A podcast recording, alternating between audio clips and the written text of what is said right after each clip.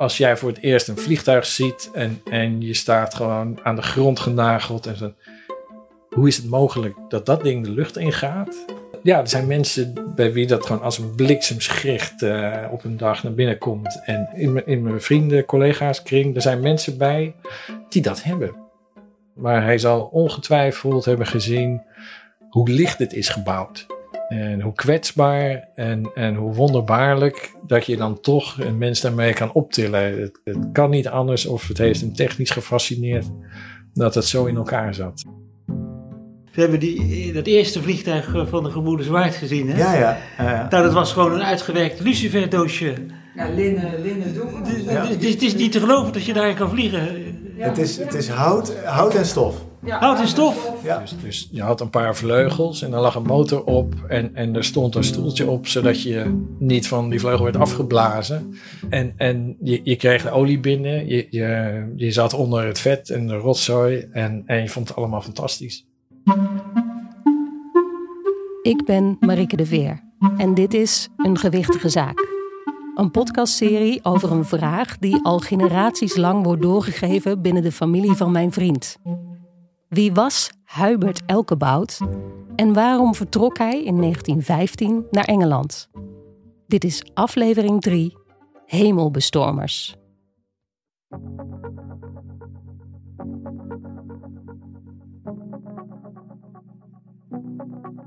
Een man of tien duwt een fragiel vliegtuigje uit een loods, een uitgestrekte vlakte op. Eenmaal in positie geeft een van hen een aantal keer een ruk aan de propeller, waarna een grote man in een lange leren jas aan boord klimt van het toestel. Het toestel maakt vaart, klimt de lucht in en even later is het niet meer te zien. Wanneer het na zo'n 20 minuten terugkeert, maakt het nog een aantal bochten, gaat op zijn zij hangen en daalt neer. De grote man klimt uit het toestel en wordt van alle kanten gefeliciteerd. Het is 7 maart 1911, de vooravond van de Nederlandse luchtvaart. En Frits Koolhoven maakte zojuist een van de eerste rondvluchten met een Nederlands toestel boven de heide van Soesterberg.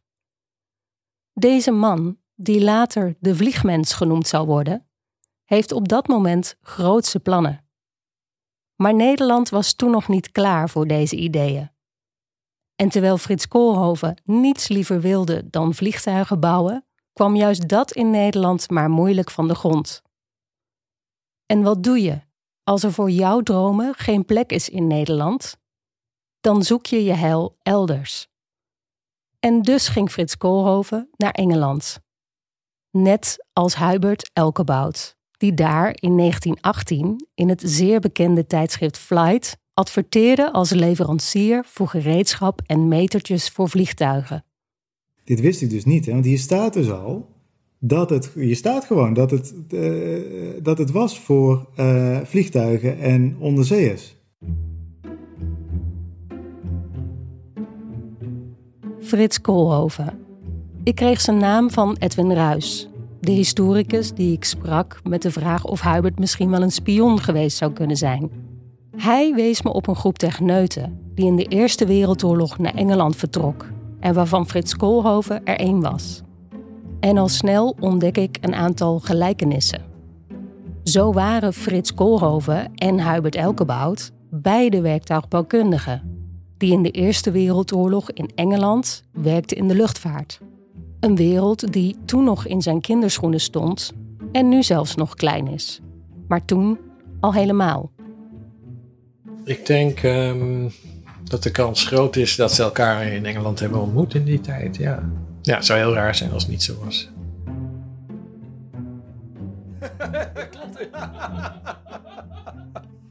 Ik zit bij Frank van Dalen, chief engineer van Fokker, in zijn tuinhuis. Het is een klein houten huisje met een bed, een schrijftafel, een antieke kast.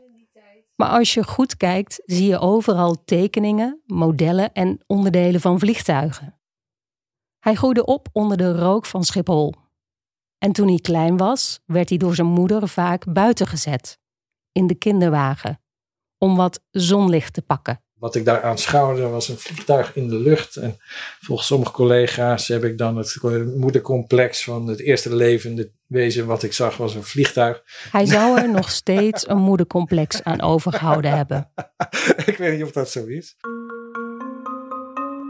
Als voormalig lid van de Koolhoven Stichting weet hij niet alleen veel over Frits Koolhoven, maar kent hij de fascinatie voor het vliegen als geen ander.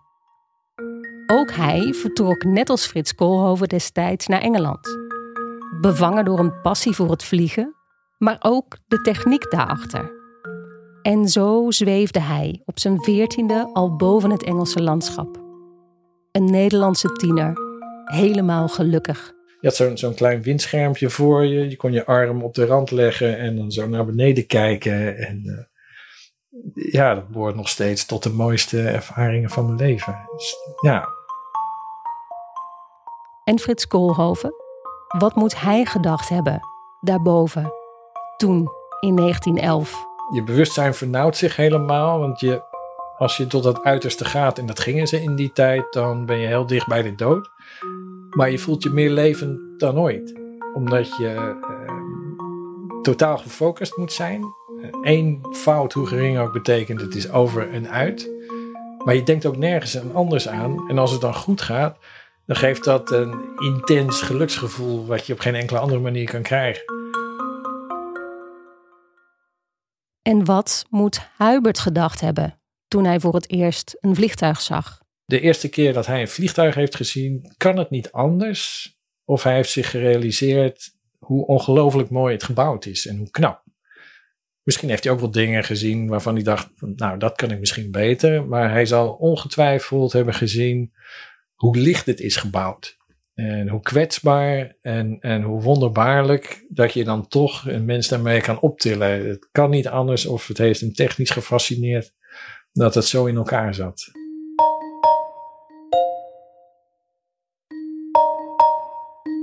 Frits Koolhoven zou samen met Anthony Fokker de belangrijkste en meest baanbrekende vliegtuigbouwer van Nederland worden. Gerespecteerd in binnen- en buitenland. Overal ter wereld vlogen zijn vliegtuigen. Maar op dat moment, in 1911, leek dat nog ver weg. Want zo vlot als dat vliegtuigje van Koolhoven destijds opsteeg, op die ochtend in maart 1911, zo moeizaam was het om met zijn vliegtuigen in Nederland voet aan de grond te krijgen. Voor het grote publiek was het op dat moment vooral een zeer vermakelijk en sensationeel tijdverdrijf. Maar het was die tijd dat, dat de mensen compleet verbouwereerd waren als ze een vliegmachine met een mens daarin uh, over zagen komen. Het was een wonder, het was nooit eerder aanschouwd in de hele menselijke geschiedenis niet. En nu gebeurde het boven hun eigen huizen. En in de krant schreef dat de keukenmeiden de biefstuk aan lieten branden, omdat ze uit het raam hingen om het wonder te aanschouwen. En, en nog het liefste om, om ze ook neer te zien storten, dat was de sensatie. En uh, dus mensen kwamen echt uh, in de hoop om iemand te zien vliegen, maar ook om zijn bek te zien gaan. Dus het was eigenlijk heel plat vermaak. In Nederland werd daarom in het begin met sceptisch gekeken naar die luchtvaart. Het werd gezien als entertainment en vermaak. Zinloos en zonder toekomst. In de kranten stond het vaak in het katern sport en spel. Samen met cricket en voetbal. Het bedrijf waar Frits Koolhoven voor werkte ging failliet. En de eerste Nederlandse luchtvaartpioniers besloten naar Frankrijk, Duitsland of Engeland te vertrekken om het daar te proberen. Behoorde Hubert ook tot deze eerste luchtvaartpioniers? Frank twijfelt er geen moment over. Als vliegtuigingenieur kent hij die wereld natuurlijk als geen ander. En tijdens ons gesprek krijg ik soms het gevoel alsof hij met Hubert zelf op pad zou kunnen zijn gegaan. Als hij tenminste zo'n 100 jaar eerder had geleefd. En zo stap ik via Frank langzaam in Huberts voetstappen. Dus, dus je moest technisch getalenteerd zijn om met die nieuwe techniek überhaupt op pad te kunnen. En um, dat was dus in, in een wereld waarin er uh, ongelofelijke mogelijkheden zich begonnen aan te dienen, had je een enorm voordeel als jij talent had om die die techniek eigen te maken.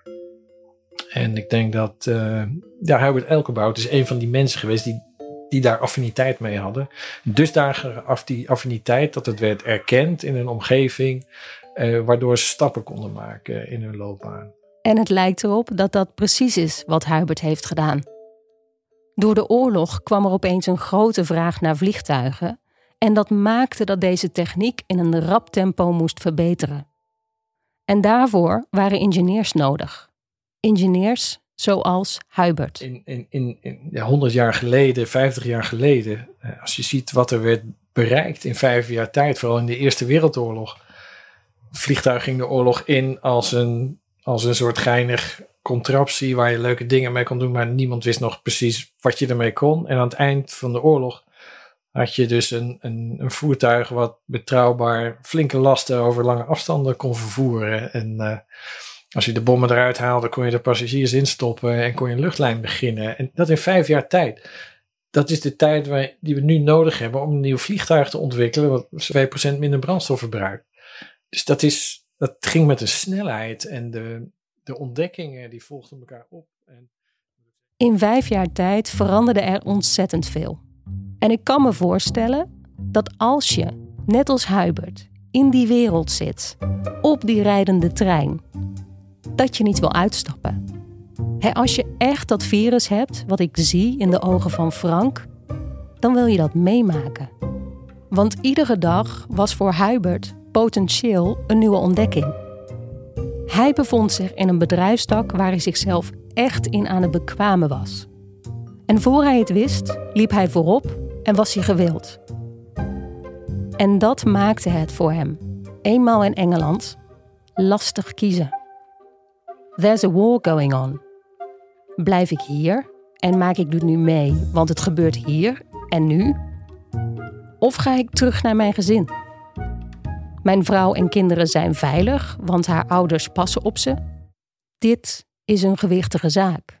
Er is nergens op de wereld een plek waar ik op dit moment moet zijn dan hier. Ik, ik zou vermoeden dat hij geld naar huis heeft gestuurd. En um, dat voor hemzelf de opoffering niet zo heel erg groot is geweest. Um, hij zal ongetwijfeld zijn gezin gemist hebben. Maar ik denk ook dat hij gewoon een ontzettend gave tijd heeft gehad daar. En uh, ik heb verhalen gehoord van mensen, zelfs van uh, mensen die als dwangarbeider naar Duitsland zijn gestuurd in de Tweede Wereldoorlog. En, en die mij vertelden ik mag dit eigenlijk niet zeggen, maar ik heb een geweldige tijd gehad daar. Weet je wel? Dan ben je weg van, van haard en huis en alles. Uh, maar je ontmoet daar andere mensen. Ehm, je werk wordt gewaardeerd enzovoorts. ja, ik denk dat jaren... De bijdrage van Hubert aan het winnen van de oorlog was dus niet geheel belangeloos. Ook hij zelf haalde er behoorlijk wat uit. Frank vergelijkt het met zijn eigen werk, waar hij soms met een heel team naar Amerika gaat om aan één vliegtuigvleugel te werken. Dan denk ik aan, aan de sfeer van onze collocaties. Je bent een paar maanden op pad en, en je werkt te pletteren, maar je hebt wel een enorme sfeer van kameraadschap onderling. Dus, dus je, je vergroeit eigenlijk met je collega's. Je ziet ook bijna niemand anders, dus je werkt hele lange dagen. Maar het is voor een goed doel, want de oorlog moet gewonnen. En s'avonds ga je uit eten en uit drinken en, en je bent voortdurend ja, onder kameraden eigenlijk. En uh, ja, ik, ik denk dat hij zo'n soort tijd heeft gehad ja. ja, ik denk dat die jaren voor hem heel snel voorbij zijn gegaan. Ik zie je ogen. en zo zie ik in de ogen van Frank een hedendaagse Hubert. Een man met passie voor techniek en vliegtuigen. En ik denk terug aan de Hubert die aan het eind van zijn leven in dat kleine kamertje in Schiedam uren kon knutselen. Magisch noemden zijn kleinkinderen het. En zo was het voor Hubert vast ook.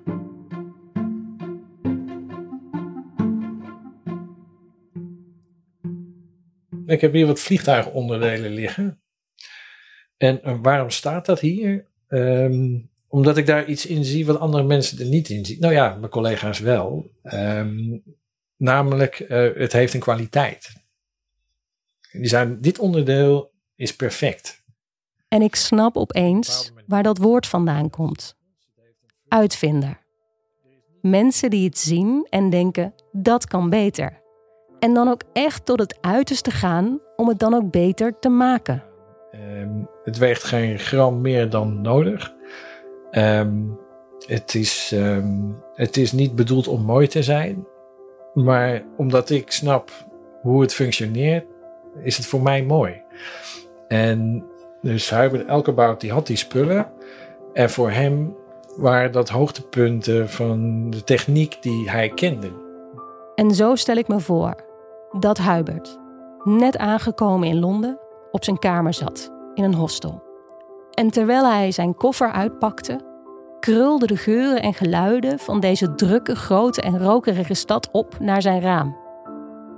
Hij hoorde een vreemde taal en dacht terug aan zijn gezin. Hoezeer hij ze miste en hoe verloren hij zich voelde in de straten van deze grote stad. Maar tegelijkertijd voelde hij zich vrij en machtig. De urgentie, de spanning, het gevaar en de camaraderie. Het gaf een kick. Een kick die hij nog nooit eerder had ervaren of zou ervaren in zijn verdere leven.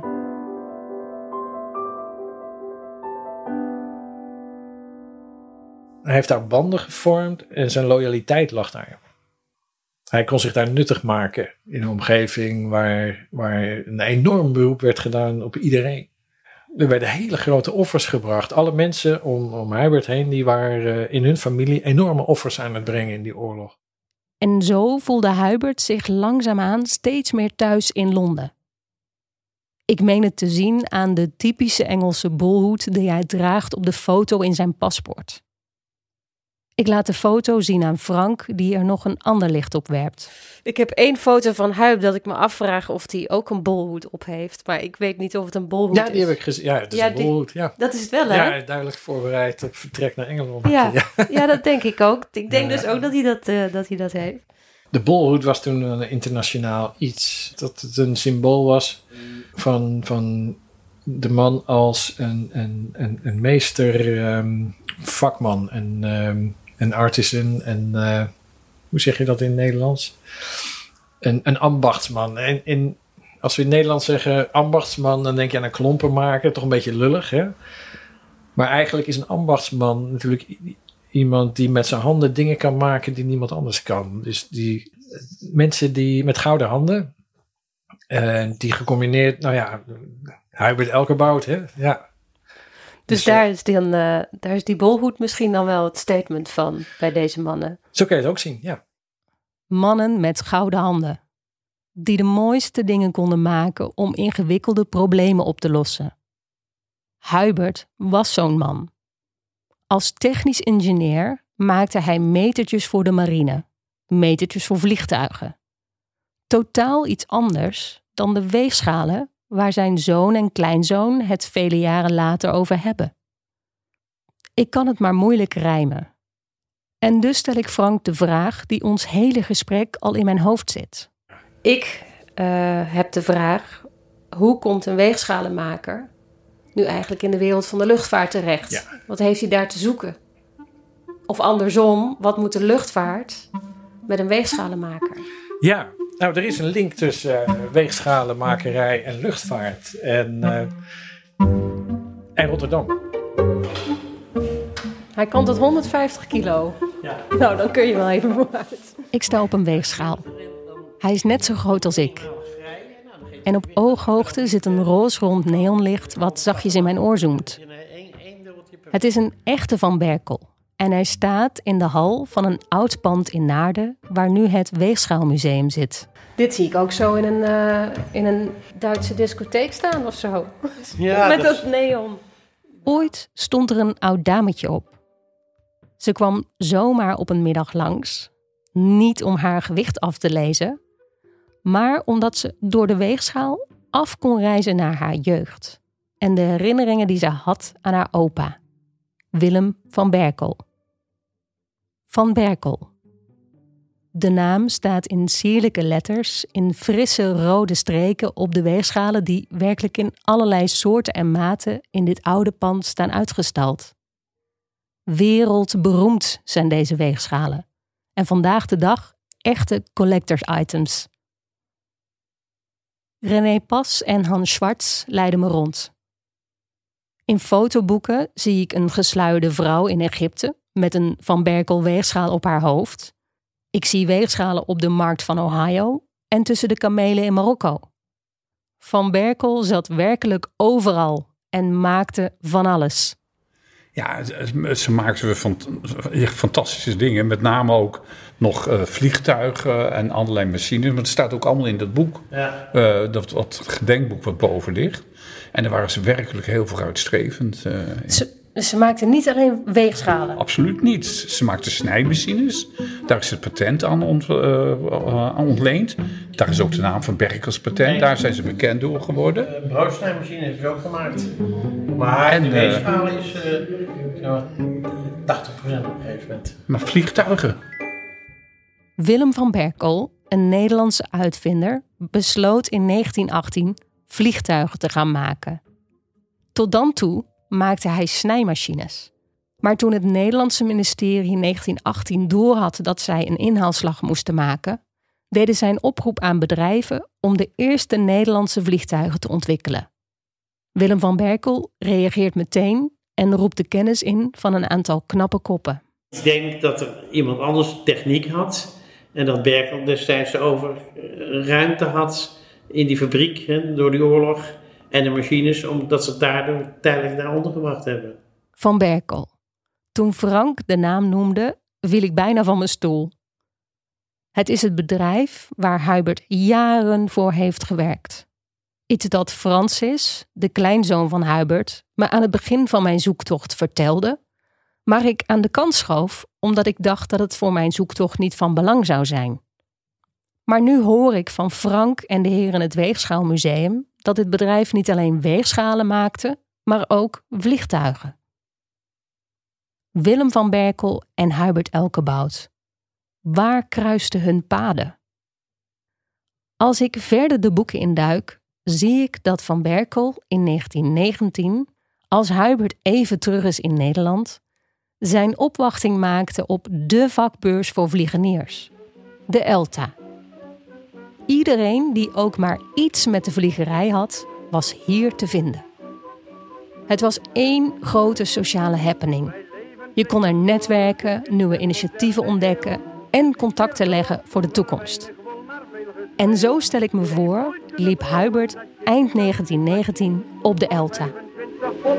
Heel Amsterdam zien, ja wij gaan vliegen, vliegen, vliegen over Tolhuis en het ei. Laat je vliegen, vliegen, vliegen met je meisje aan je... Deze eerste luchtvaarttentoonstelling in Amsterdam stond vol met stands op het gebied van vliegtuigonderdelen, motoren, gereedschap, maar ook fotografie, kaarten, instrumenten en kleding.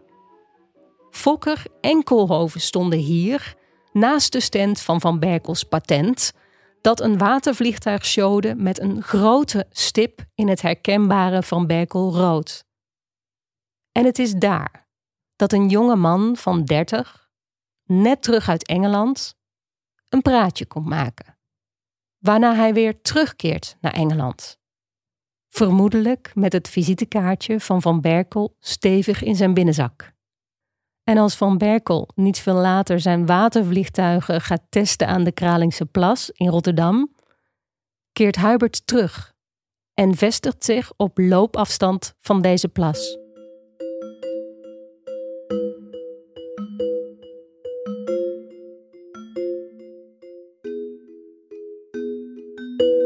Ook Frits Koolhoven keerde terug uit Engeland en zette in Rotterdam een vliegtuigfabriek op.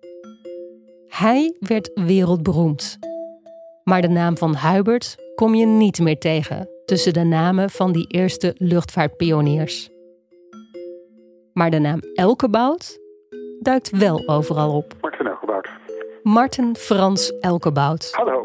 Hallo. Het is een achterneef van Hubert die zich in diezelfde kleine wereld begaf en een van de eerste vliegeniers werd van ons land. Een onverschrokken waaghals die het avontuur opzocht. Ja, hij, hij is echt wel een beetje een, een, een pionier. Uh, hij was bijvoorbeeld de eerste vlieger die, uh, die in Nederland een 15-jarig jubileum vierde. Want alle anderen waren voor die tijd al uit de lucht gevallen en overleden. Dat was een beetje de, de situatie toen. Marten en Hubert Elkebout bewogen zich in diezelfde kleine wereld. Beide gegrepen door de vliegerij. Zij waren erbij, deelden eenzelfde interesse, dezelfde opa en dezelfde achternaam. Maar leken ze qua karakter ook op elkaar? En zou dat me iets meer kunnen vertellen over wat voor man Hubert was? En zo zit ik, amper een week na mijn bezoek aan Frank, bij een kleinzoon van Martin Frans Elkebout, met dezelfde voor- en achternaam. Om ons heen fotoboeken vol foto's, krantenknipsels, brieven en diploma's. Verzameld door zijn opa. Ja, ik bedoel, ik heb hem natuurlijk zelf nooit gekend, maar ik heb wel van de verhalen ook van mijn moeder, die hem wel heeft gekend, dat het een indrukwekkende man was. Doordat hij eh, bijvoorbeeld, hij had gitzwart haar en hele lichtblauwe ogen. Dus het was iemand die je, die je enorm indringend aankeek. Hè? Dus je kon bij wijze van spreken niet met deze man in aanraking gekomen zijn zonder dat hij een diepe indruk op je maakte. Dat was een beetje het beeld wat ik, uh, wat ik van hem gekregen heb. En dus het is ja, echt een karakter. Echt een karakter. Als kleine jongen nam Jan een keer de benen om de wereld te ontdekken. Hij liet een klein briefje achter in een broodrommel en glipte er tussenuit. Hij zou op weg zijn naar Amerika, maar werd al snel door collega's van zijn vader, die politieagent was, in de kraag gevat. Ja, nou ja, een typisch uh, onafhankelijke iemand. Die niet met stroom meegaat, maar uh, die gewoon zijn eigen route kiest. Nee, risicomijdend gedrag is niet. Mijn vader die zei altijd: kan niet, komt niet voor in het woordenboek van een Elkerbout. Martin Frans Elkebout zou vooral bekend worden doordat hij in de Tweede Wereldoorlog in het verzet ging. In de laatste dagen van die oorlog werd hij verraden en in Kamp Vught gefusilleerd. Maar al ver daarvoor nam hij al de nodige risico's als vliegenier. Maar ik kan me wel voorstellen dat de fascinatie van met zoiets nieuws bezig zijn en iets avontuurlijks, dat past wel helemaal in zijn karakter. Ik bedoel, het is gewoon iemand die zich niet laat afleiden door wat anderen vinden. Om het maar lelijk te zeggen, de consequenties, dat interesseerde hem dan ook niet. Hij vond, denk ik, gewoon: dit moet ik doen. En hij wist natuurlijk donders goed dat daar enorme risico's aan zaten. Natuurlijk niet te vergelijken met de risico's die Hubert nam. Maar beide waren het rouwdouwers die het avontuur zochten en ongeacht de consequenties hun eigen koers voeren. En zo behoorden ze al snel tot een club. Een club die heel close was. Een club met een missie.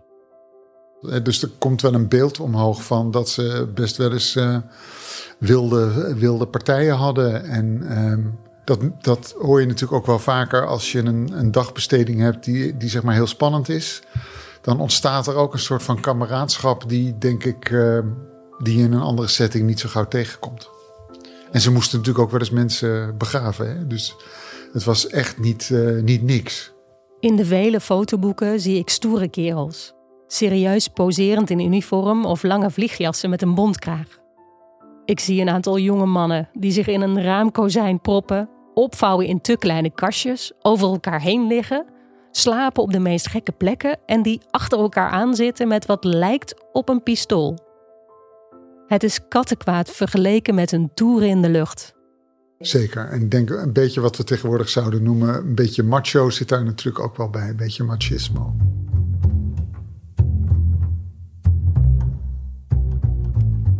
Het zijn deze mannen die hun kunsten etaleren.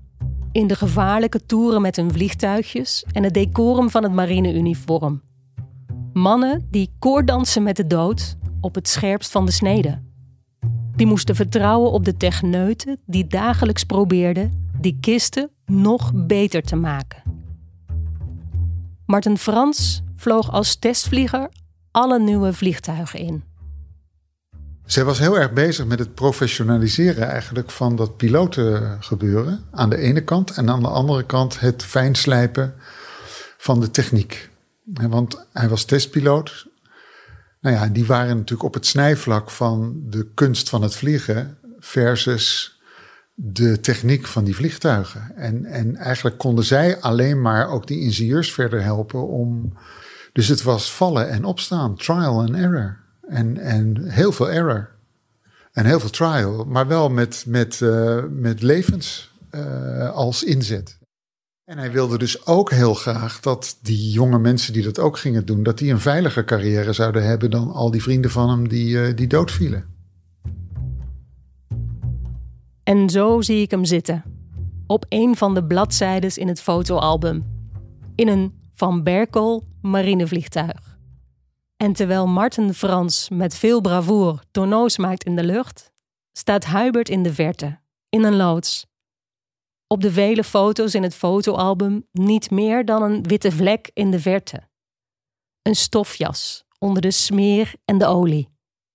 Degelijk en betrouwbaar die binnen geconcentreerd en precies de techniek van deze machinerie probeerde te verfijnen. Die rush of adventure, de vrije val, de vlinder die klappert in je buik, verliefdheid. Iets mee kunnen maken omdat je op het juiste moment op de juiste plek bent. Dat begrijp ik. Er gebeurde hier iets. Er hing iets in de lucht en dat was spannend. En daar, waar de hele wereld verviel in een sluimerende en uitzichtloze oorlog, was Hubert klaarwakker. Maar dat het Hubert allemaal nog niet avontuurlijk genoeg was, daar zal ik achterkomen als Selwyn een vondst doet. Dat is 1916. Kijk, Thea Bert Elko met haar, maar dat is hem dus wel. Dat zit te dicht tegen Hubert Elkebout aan in 1916 om iets anders te kunnen zijn. Een passagierslijst, gedateerd 20 mei 1916. Een ticket van Liverpool naar New York. Samen met Teunis broeder. Volgende keer probeer ik te ontrafelen wat nu precies de relatie was tussen Hubert en Teunis. In die tijd uh, iedereen wist dat het voorkwam, maar, maar er werd niet over gesproken. Ik ga op zoek naar de nazaten van Teunis om te zien wat zij nog weten. Goeiedag. Nou, dat wel even een verrassing. Dat iemand zit te graven in mijn uh, opa's verleden. Dit was een gewichtige zaak. Een podcast gemaakt door mij, Marike de Veer.